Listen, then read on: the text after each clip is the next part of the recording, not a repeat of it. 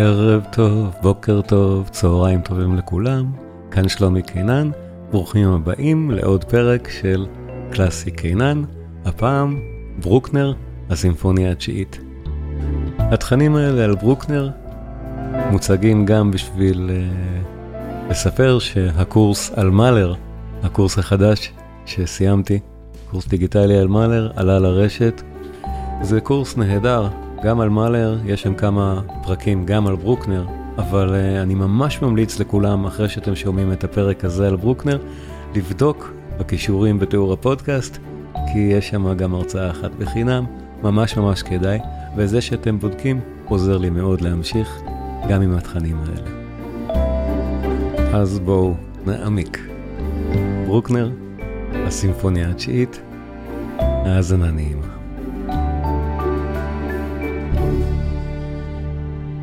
והפעם אנחנו, אנחנו ב, בברוקנר, הסיבה היא כפולה, אני רציתי להגיע לברוקנר בכל מקרה, אה, אחרי, אחרי מאלר, עם, עם, אה, עם הקהל שכבר אה, נמצא איתי, שדיברנו על כל התקופה הרומנטית בעצם, פרט לברוקנר.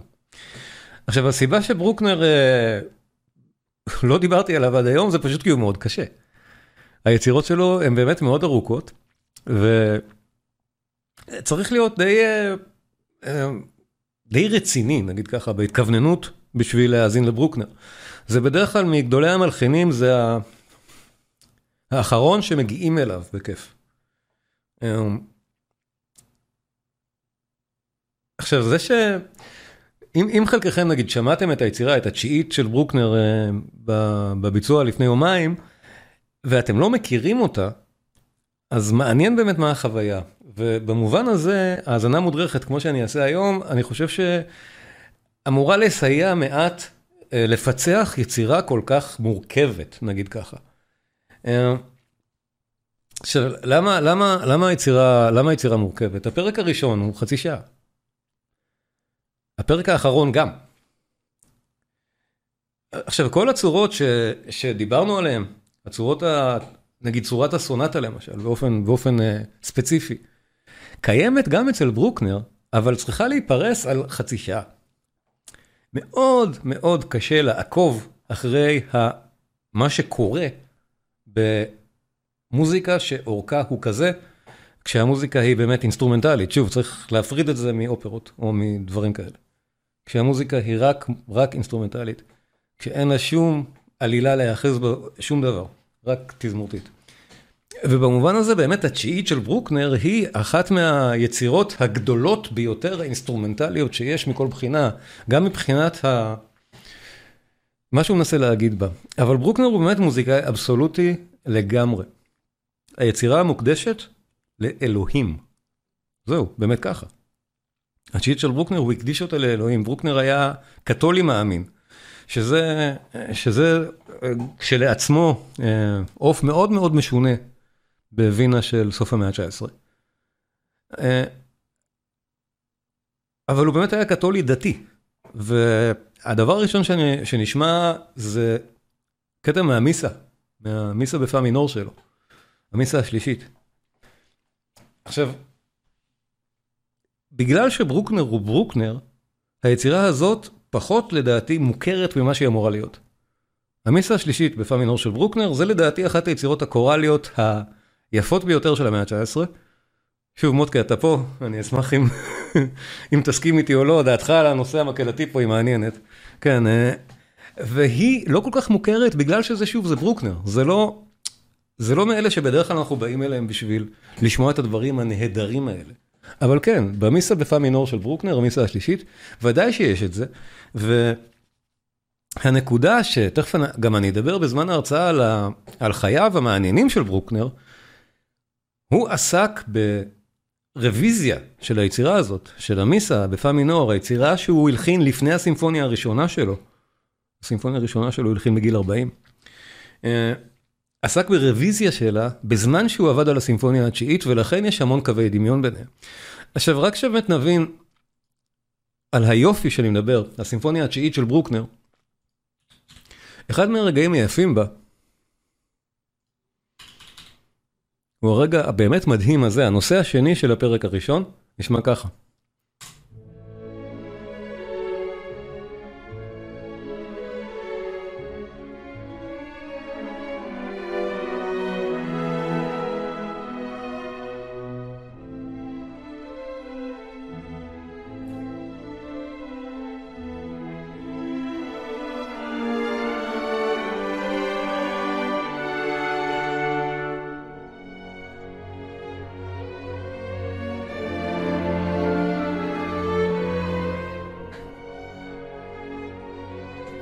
נושא מוזיקלי נהדר, שאפילו בהקלטה הזאת, ההקלטה הזאת היא הקלטה של טינטנר, תכף אני אדבר גם על זה, הוא מנגן את זה יחסית מהר.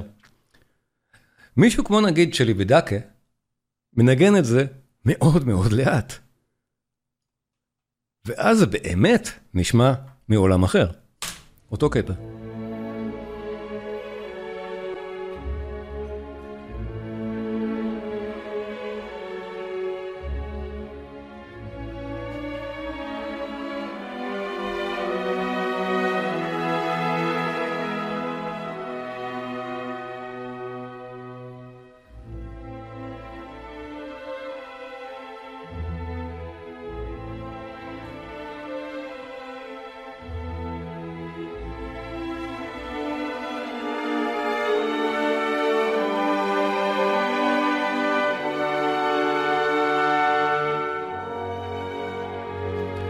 זה הנושא השני באמת, מתוך הפרק הראשון של הסימפוניה. הרפליקה שאנחנו נשמע עכשיו, יכולה הייתה להיות פרק בזכות עצמו.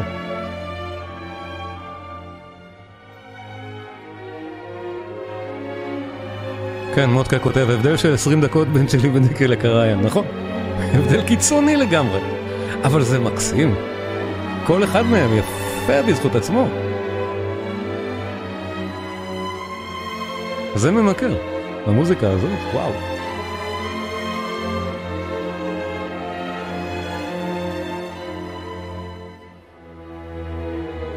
באמת, אני הייתי מתענג למשל להאזין לצ'ילי בדקה היום, אבל אין לנו זמן.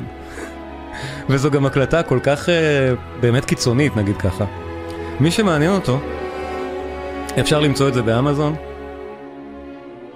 הקלטה נהדרת באמת של הצ'יט של ברוקנר. כמובן שנויה במחלוקת בדיוק, בדיוק בגלל הסיבות שאנחנו שומעים עכשיו.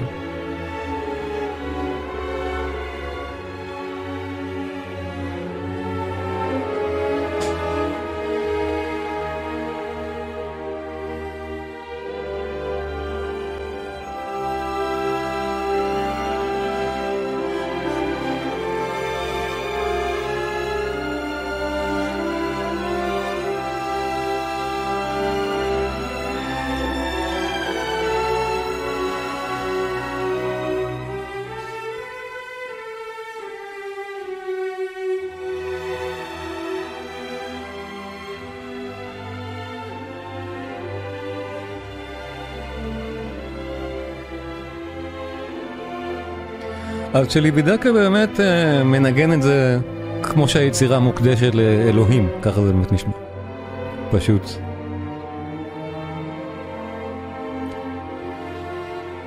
וסוף סוף חזרנו להתחלה של אותו נושא שני. תכף נשמע את כל הפרק. אבל ההקלטה הזאת של צ'ילי בדקה באמת משייכת את ה... את ה... סימפוניה למיסה. אני רוצה שנשמע רגע, פשוט באמת בתור רקע וגם בשביל להבין את הפן הזה של ברוקנר, זו הזדמנות נהדרת לשמוע פרק מהמיסה מספר 3 בפה מינור של ברוקנר, את הבנדיקטוס מתוכה.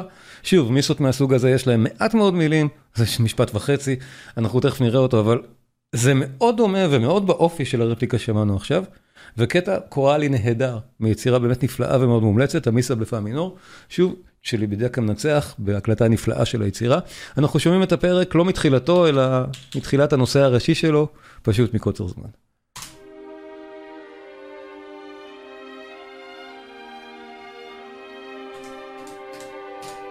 מילים של הבנדיקטוס, כמעט אותו דבר תמיד בכל המסות.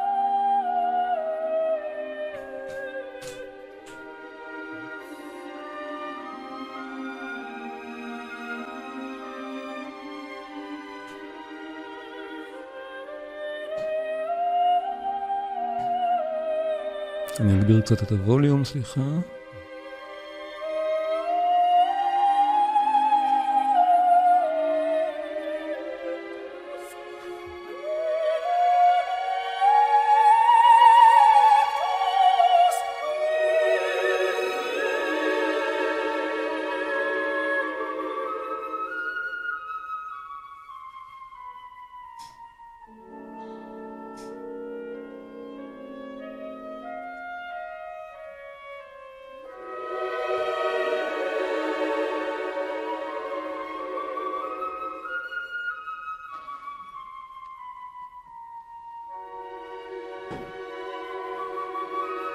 אנחנו שומעים את אותו קו מלודי כרומטי של ברוקנר. בדיוק כמו ששמענו באותו פרק של התשיעית, והחלק של הפרק של התשיעית. והיצירות באמת בתודעה של ברוקנר מאוד קרובות זו לזו.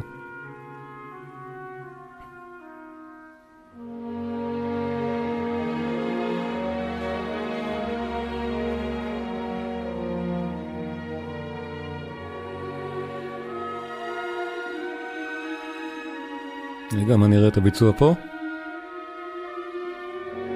זה הביצוע הכי טוב שאני מכיר של היצירה הזאת, בלי ספק. אין יותר מדי הקלטות טובות של המיסה הזאת. היא לא מאוד מפורסמת, חבל. זו מהטובות, בלי ספק.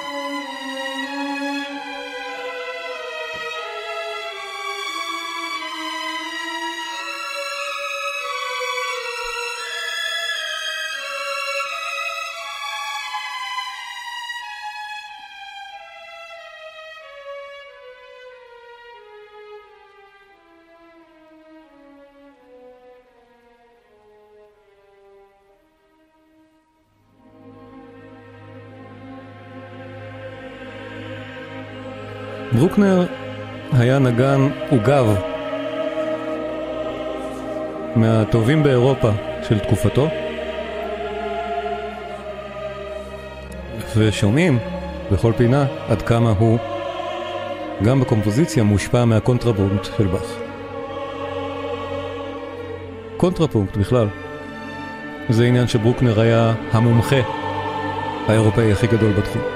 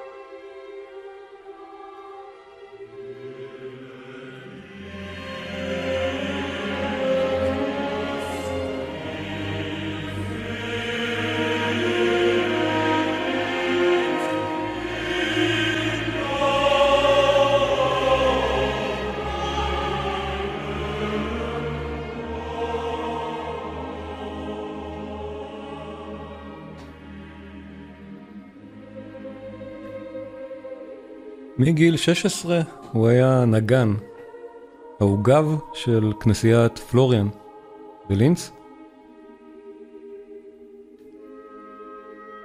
באוסטריה העליונה, מה שנקרא, אפר אוסטריה באנגלית.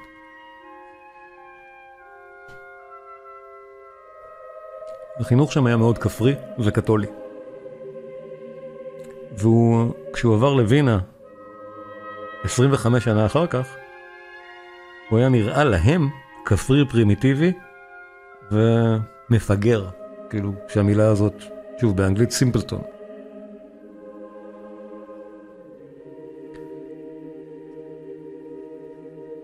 אבל כן, נגן העוגב הקתולי המאמין ברוקנר, מלחין מיסה. נפלאה פשוט, של אדם מאמין באמת.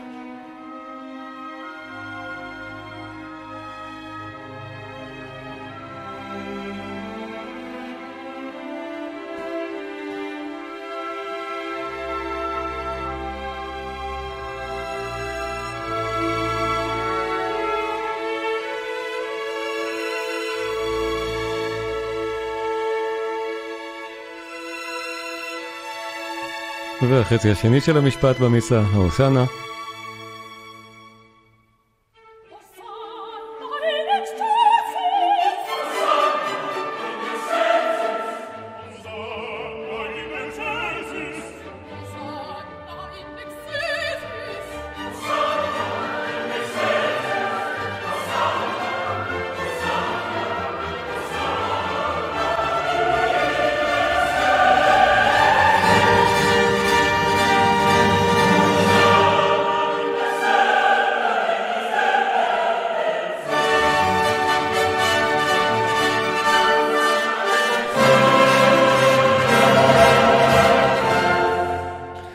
כן, פרק הבנדיקטוס, מתוך, ה... מתוך המיסה בפא מינור, המיסה השלישית של ברוקנר. היצירה באמת מאוד מומלצת להאזנה, אני, אם אהבתם, אני מאוד מפציר בכם לשמוע את כולה, היא נפלאה, באמת כמו שמענו עכשיו. התשיעית של ברוקנר, אה, באמת קשורה אליה, שוב, לא מבחינת זמן, זמן ההלחנה שלה. אני זוכר, ברוקנר, אה, אה, ברוקנר נמצא כאן ברשימה הזאת של המלחינים. התקופה היא ממש מקבילה לפחות, או כמעט מקבילה לברמס. דיברנו על זה כבר, זה שני מלחינים שהם באמת מקבילים לגמרי בפעילות שלהם בווינה. הם שניהם פעלו בווינה. ברוקנר אבל עקר לשם אחרי גיל 40, מלינץ.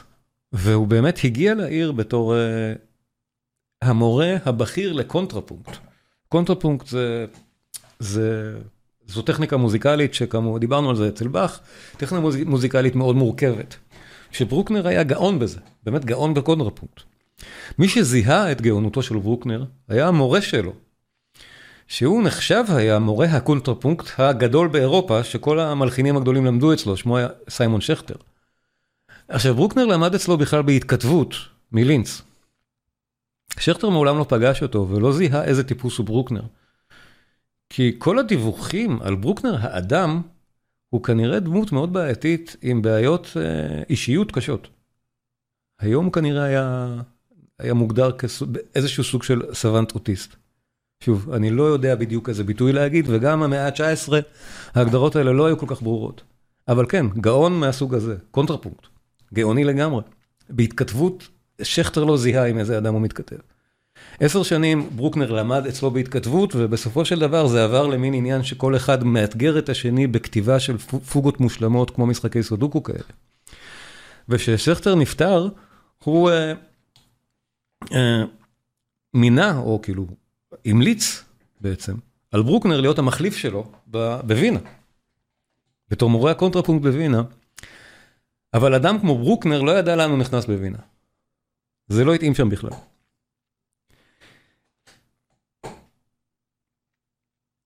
זו הדמות.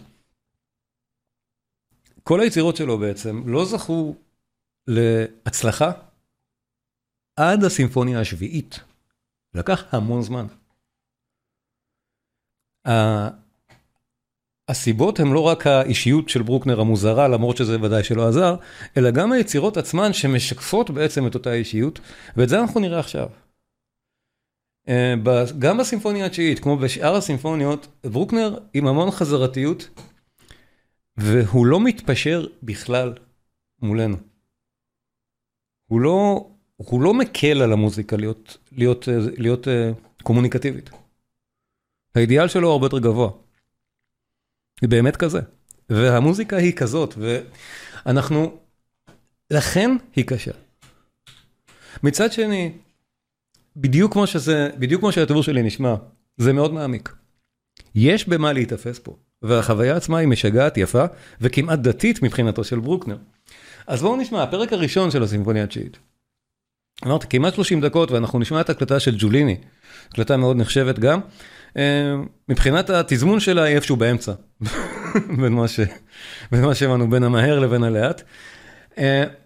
והדרך אה, לראות את זה, שוב, אפשר לראות על המסך שלי, אם זה היה משהו שגרתי, נגיד, של, של בטהובן, אז אנחנו רואים, יש תמה ראשונה, שנייה, שלישית, חלק פיתוח, רקפיטולציה, ועוד פעם התמות האלה חוזרות.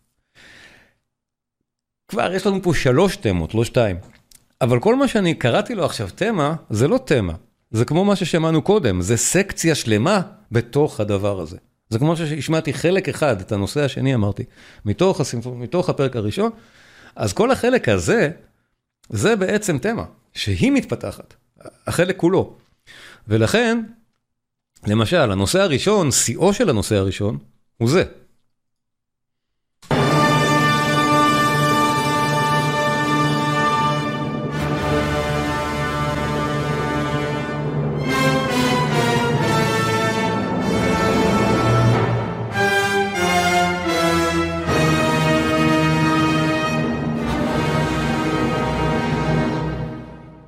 זה אבל השיא שלו. הוא מתחיל הרבה הרבה הרבה לפני. כל הסיפור, עד איפה שהגענו עכשיו, זאת קבוצת הנושא הראשון, שאחרי זה תפותח. וכך צריך להזין את זה. אבל בכל מקרה, התמרור הזה, מה ששמענו עכשיו, הוא תמרור נהדר, כי הרקפיטולציה תתחיל לנו בדיוק באותו עניין.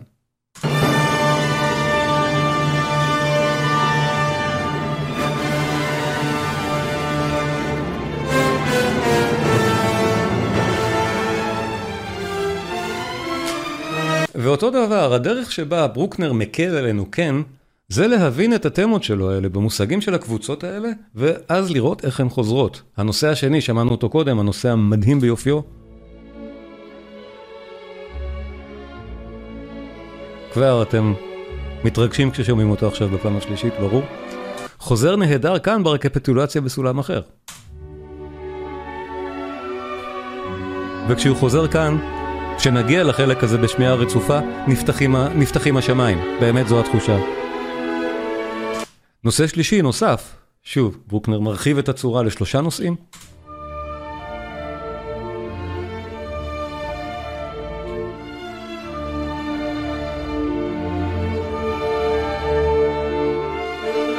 גם הוא חוזר בסוף בסולם אחר. וככה, אפשר כן למצוא סדר והיגיון בתוך המבנה המאוד ארוך של פרק כל כך צפוף, ואנחנו נעקוב אחרי, אחרי המבנה הזה ואני אעיר תוך כדי האזנה. אבל עוד דבר שחשוב לציין, ברוקנר בכל היצירות שלו, בכל הסימפוניות שלו, אה, הוא מתייחס לתשיעית של בטהובן, ספציפית לתשיעית של בטהובן. שוב, ברוקנר מאוד כפייתי. התשיעית של בטהובן, זה היצירה. אה, וכל פעם מחדש הוא בונה פתיחות שהן דומות לתשיעית של בטהובן, פה הוא עושה יותר מזה. הוא בונה גם סקרצו, שדומה לתשיעי של בטהובן, ואומר הסולם הוא אותו סולם. הסולם הוא רה. הנקודה שהשיא של ברוקנר פה,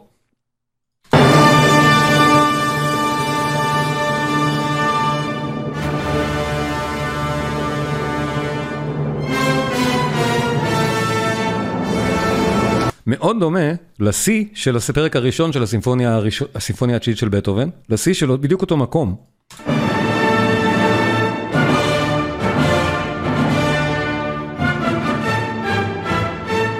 וגם באותו הסולם. ברור שהוא מתייחס לזה, אבל גם אצל בטהובן באופן מאוד מעניין, זה מתחיל ממשהו אחר, זה מתחיל מכאן.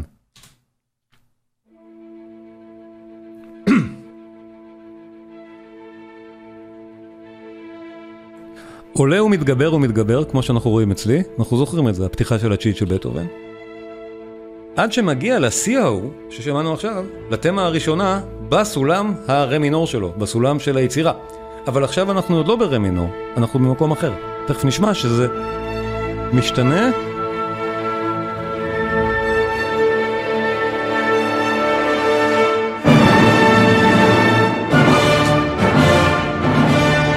הגענו. לקח לנו קצת יותר מחצי דקה להגיע. ברוקנר מתחיל את זה באופן זהה, רק הרבה הרבה יותר ארוך. הוא מותח את הפתיחה הזאת על כמעט שלוש דקות. אבל גם מתחיל את זה בסולם אחר, לא ברה מינור. הוא, הוא מגיע לסולם הזה רק בעצם בסוף, בשיא הזה, וההתחלה היא מין הרחבה מאוד מאוד גדולה של הצורה של בטהובן, וכך הוא מתייחס לכל הפרק. זה מין הרחבה מבחינתו של בטהובן. בואו נשמע. סימפוניה תשיעית של רוקנר, פרק ראשון. אותו סוג של מסתורין ששמענו בתשיעית.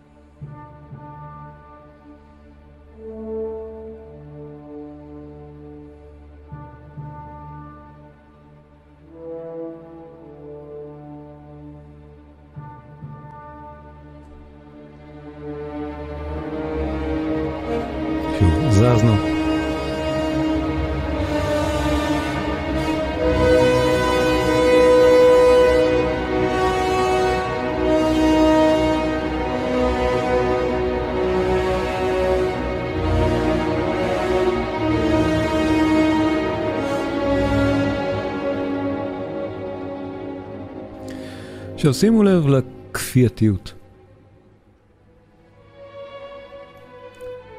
בכל הפסאז'ים האלה, ברוקנר כאילו סופר.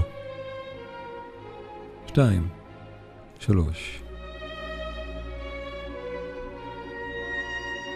ארבע. תמיד הספירות של המעברים האלה יהיו זוגיות על חזקות של שתיים, על שמונה או על שש עשרה. תמיד. ככה זה אצל ברוקנר. שום דבר לא יכול להיות לא שלם או לא עגול.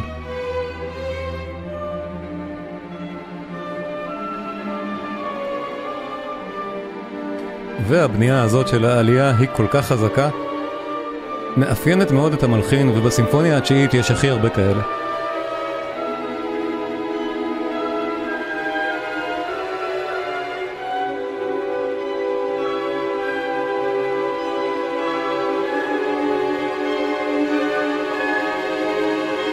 ועוד מעגל.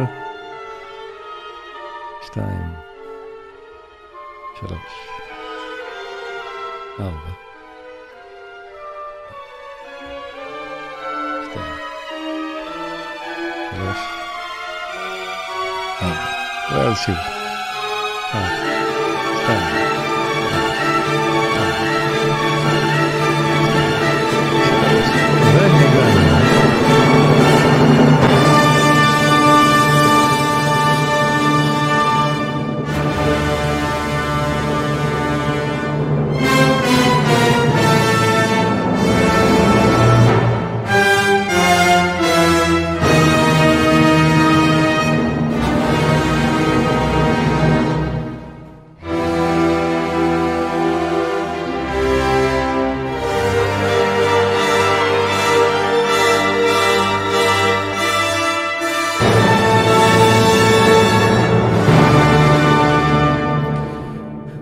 וברוקנר באמת מסיים את זה, פשוט מסיים. כמעט לא מחבר את זה לדבר הבא. הוא עוצר המון בסימפוניות שלו, פשוט עוצר בשביל לתת פאוזה בין החלקים השונים בתוך קבוצות הנושאים שלו. ופה אנחנו בחלק שמחבר את זה, פשוט מחבר את הנושא הראשון לנושא השני ששמענו קודם.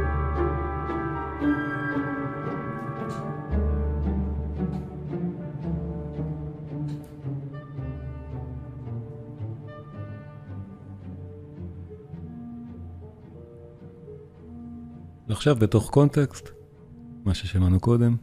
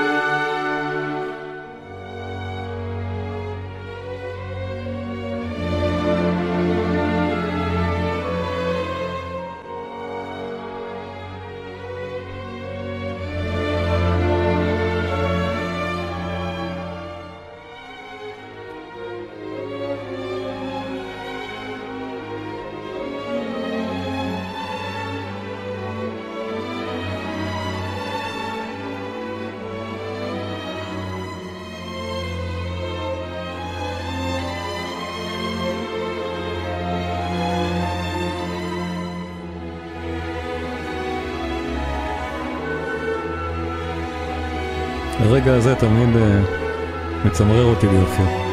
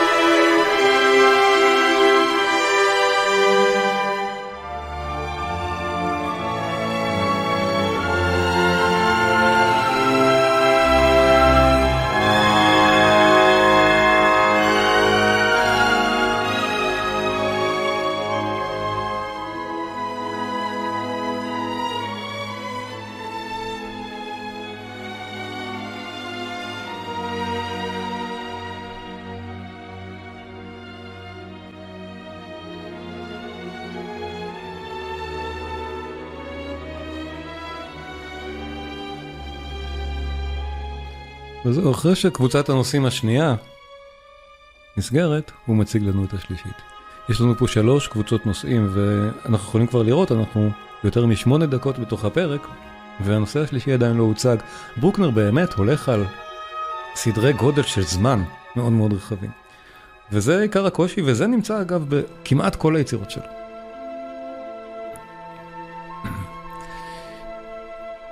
סליחה.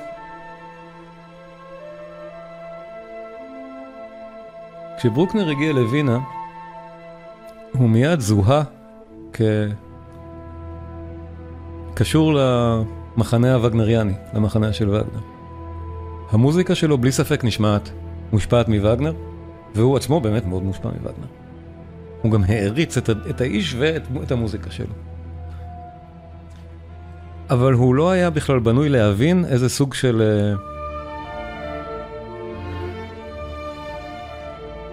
ריאקציה כלפיו זה יעורר בווינה. התסיסה שם נגד מחנה וגנר הייתה גדולה, וברוקנר היה לו קשה מאוד להעלות את יצירותיו לביצוע בכלל בגלל זה.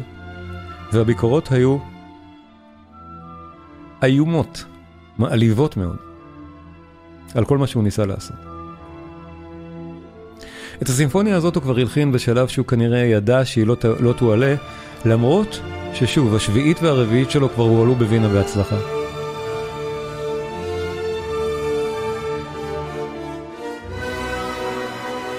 הסיבה שבסופו של דבר כן הוא נחל הצלחה, זה בעיקר בגלל שהתלמידים שלו, שבאמת העריצו אותו, תלמידי הקונטרפונקט בווינה, ואחר כך בכל אירופה, שהעריצו אותו על היותו גאון, אבל לא מובן בכלל, אבל גאון, ניסו לקדם בכל דרך את המוזיקה הזו.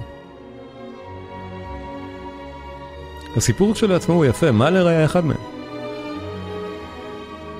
מאהלר היה נוכח בגיל 16 בביצוע הבכורה של השלישית של ברוקנר בווינה. אגב, הביצוע הבכורה של השלישית היה הרבה אחרי שהיא הולחנה, שבו נזרקו עגבניות וכל מיני דברים אחרים לבמה, שבסוף נותרו כנראה 20 אנשים בקהל בזמן שהיצירה, שהביצוע נגמר. מאלר היה אחד מה-20 שנותרו. מאלר בן 16.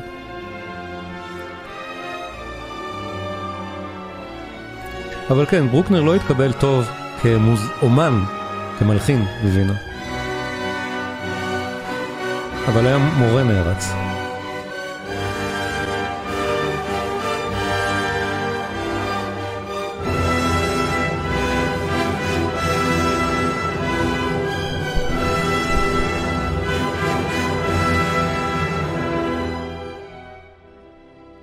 זה גם מה שמוליך לבעיה מאוד קשה כשאנחנו מחפשים... אה, אה, יונה כתב, הנסליק תקף אותו בשם וגנר. אה, כן, הנסליק תקף אותו כל הזמן, נכון? הנסליק זה המבקר הידוע בווינה, שהיה, דיברנו עליו בהקשר של ברמס, שבאמת היה רוח התקופה בווינה. כן. אז הוא ייצג את, ה, את מחנה ברמס שם, בוויכוח המוזיקלי הזה, וברוקנר ייצג בעיניו את מחנה וגנר. שוב, מטרה לא הוגנת, ברוק, ברוקנר בכלל לא ידע חברתית להגן על עצמו בשום צורה. הוא לא היה בנוי לזה אפילו, לוויכוחים מהסוג הזה. הוא לא היה טיפוס בכלל. אבל הם... אה,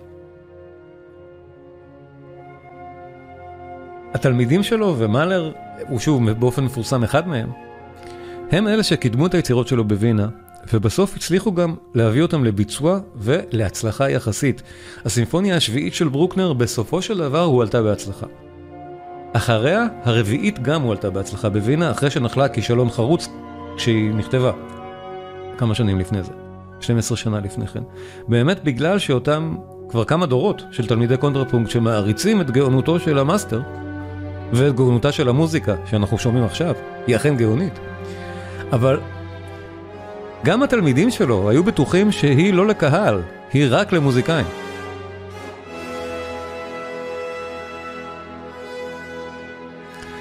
ולכן הם שינו אותה. הם עשו גרסאות ויעצו לו איך לקצר, איך להעריך, איך לתקן, איך להוסיף, איך לגרוע, כל מיני דברים ביצירות של ברוקנר, שאם אתם עכשיו תחפשו, נגיד לקנות יצירה של ברוקנר, אז הגרסה, גרסת האס, גרסת נובק, יש כל מיני גרסאות של היצירה. שהעניין של הגרסה זה תלוי איזה תלמיד שינה שם את מה, ומי הרג איזה קטע ממה שברוקנר כתב בעצמו בהתחלה. יש בלאגן שלם עם זה, באמת בגלל האישיות המאוד גבולית של, ה, של האדם. כן. מחוסר הביטחון שלו הוא באמת אפשר לתלמידיו די להתעלל ביצירות בשביל לגרום להן להיות מבוצעות. יש מחקרים די רציניים היום שנעשים בשביל למצוא את הגרסאות האולטימטיביות שלהם, חלקם, כן,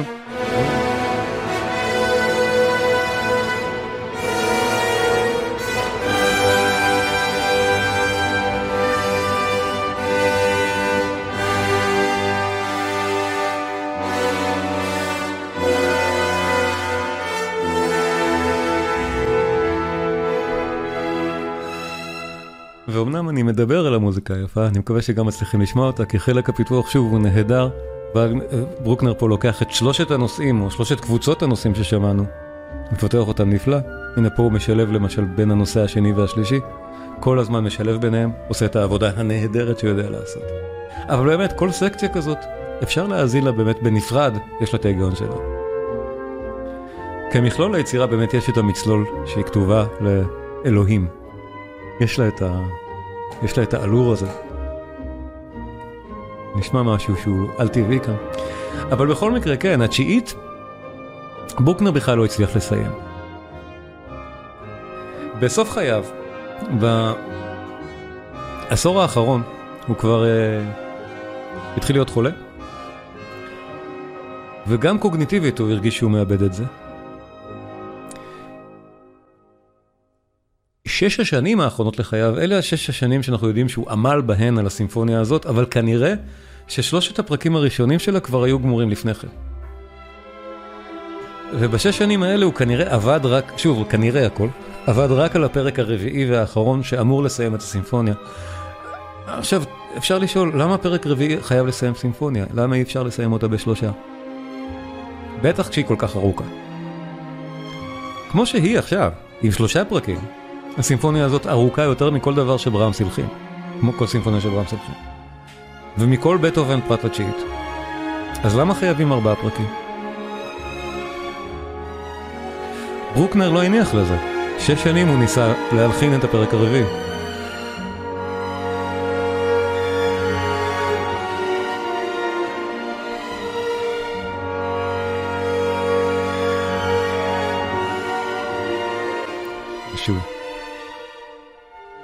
השיאים האלה שברוקנר בונה, כל פעם מחדש, ועכשיו הוא יבנה לנו עוד שיא בשביל להגיע סוף סוף באמת לרקפיטולציה, להצגה המחודשת של הנושאים. אמנם זה לא סוף הפרק, זה חלקו השלישי, זה שיא הפרק. שימו לב, חוזרים לנושא הראשון.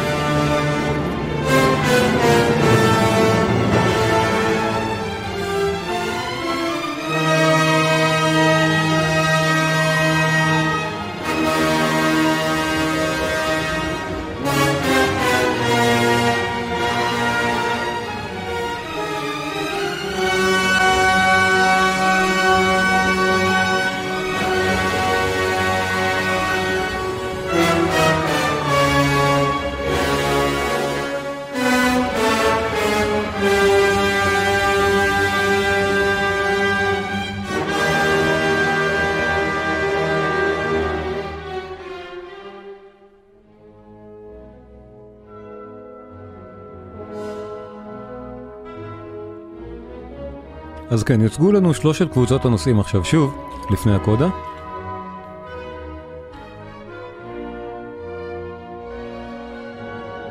וחלק מהחומרים שאנחנו שומעים כאן מוצגים גם בפרק השלישי. מה שהופך אותו להיות באמת מאוד מתאים להיות פרק מסיים. והשאלה נותרת בעינה, מדוע ברוקנר לא אמר, אוקיי, מספיק, בואו נסיים את הסימפוניה בשלושה פרקים.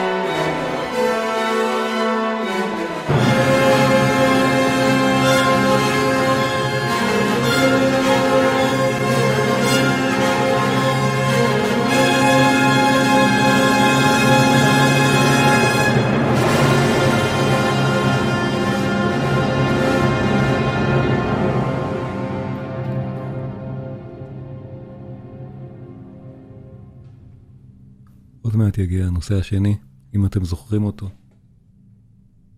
שימו לב איך עכשיו, כשהוא יגיע.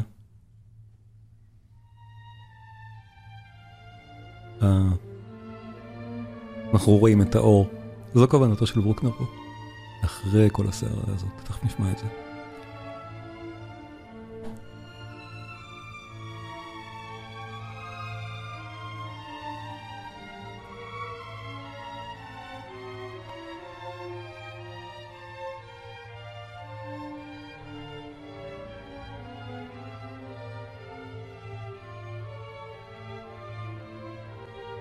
ברוקנר באמת מבקש לעצור את הזמן.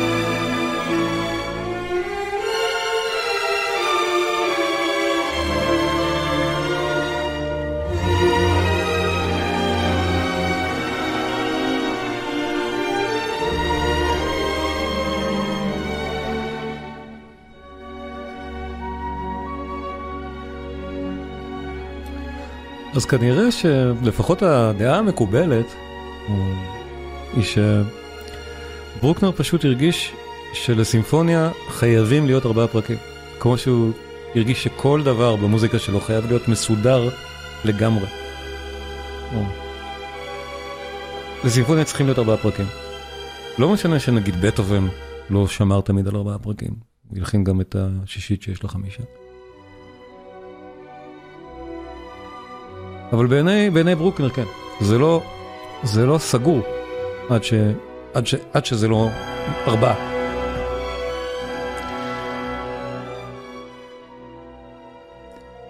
יש עוד סיבות שקשורות למשל לכך שהסולם של הפרק האחרון לא מסתיים כמו שהוא, שבפרק השלישי הוא לא הסולם של הפרק הראשון, אבל אלה דברים אחרים באמת ש... אף אחד מהם לא נשמע לי כמו סיבה מספקת.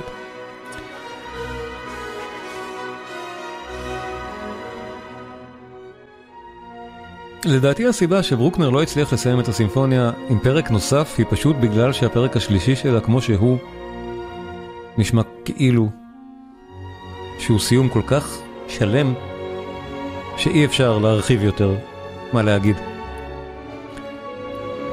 כך או כך, זו יצירה לא גמורה.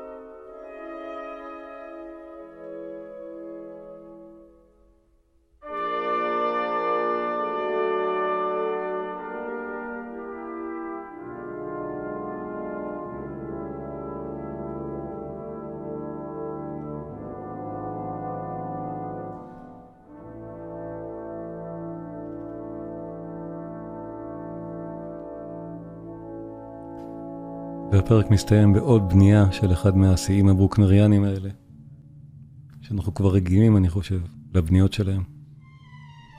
תמיד ספורות באופן זוגי, ובאופן מרובע. עולה ועולה ועולה עד שמגיע לשיא.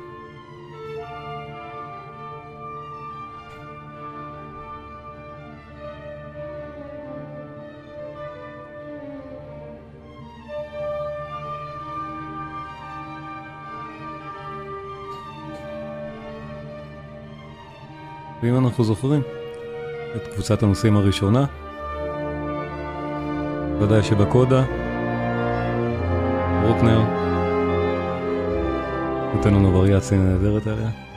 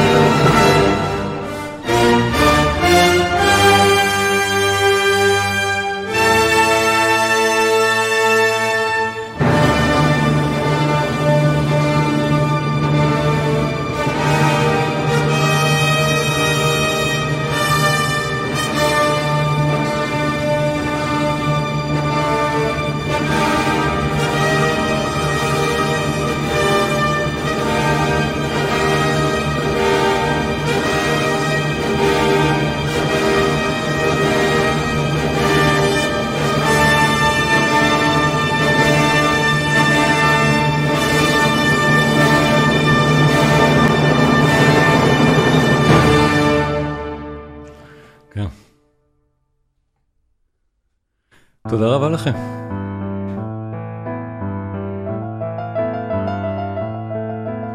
תודה רבה לכולם על ההאזנה, ואני שוב ממליץ לבדוק בכישורים של תיאור הפודקאסט את הקורסים הדיגיטליים, במקרה הזה הקורס החדש על מאלר, שיש בו גם תכנים על ברוקנר, זה קשור, זה שייך, אבל בעיקר על מאלר. שיעור אחד חינם משם, הרצאה אחת בחינם, אתם בטוח מאוד מאוד תהנו, ו... התמיכה שלכם כמובן גם מאוד עוזרת לי להמשיך עם התכנים האלה בפודקאסטים וביוטיוב. אז שוב, תודה רבה ממני שלומי קינן, ונשתמע.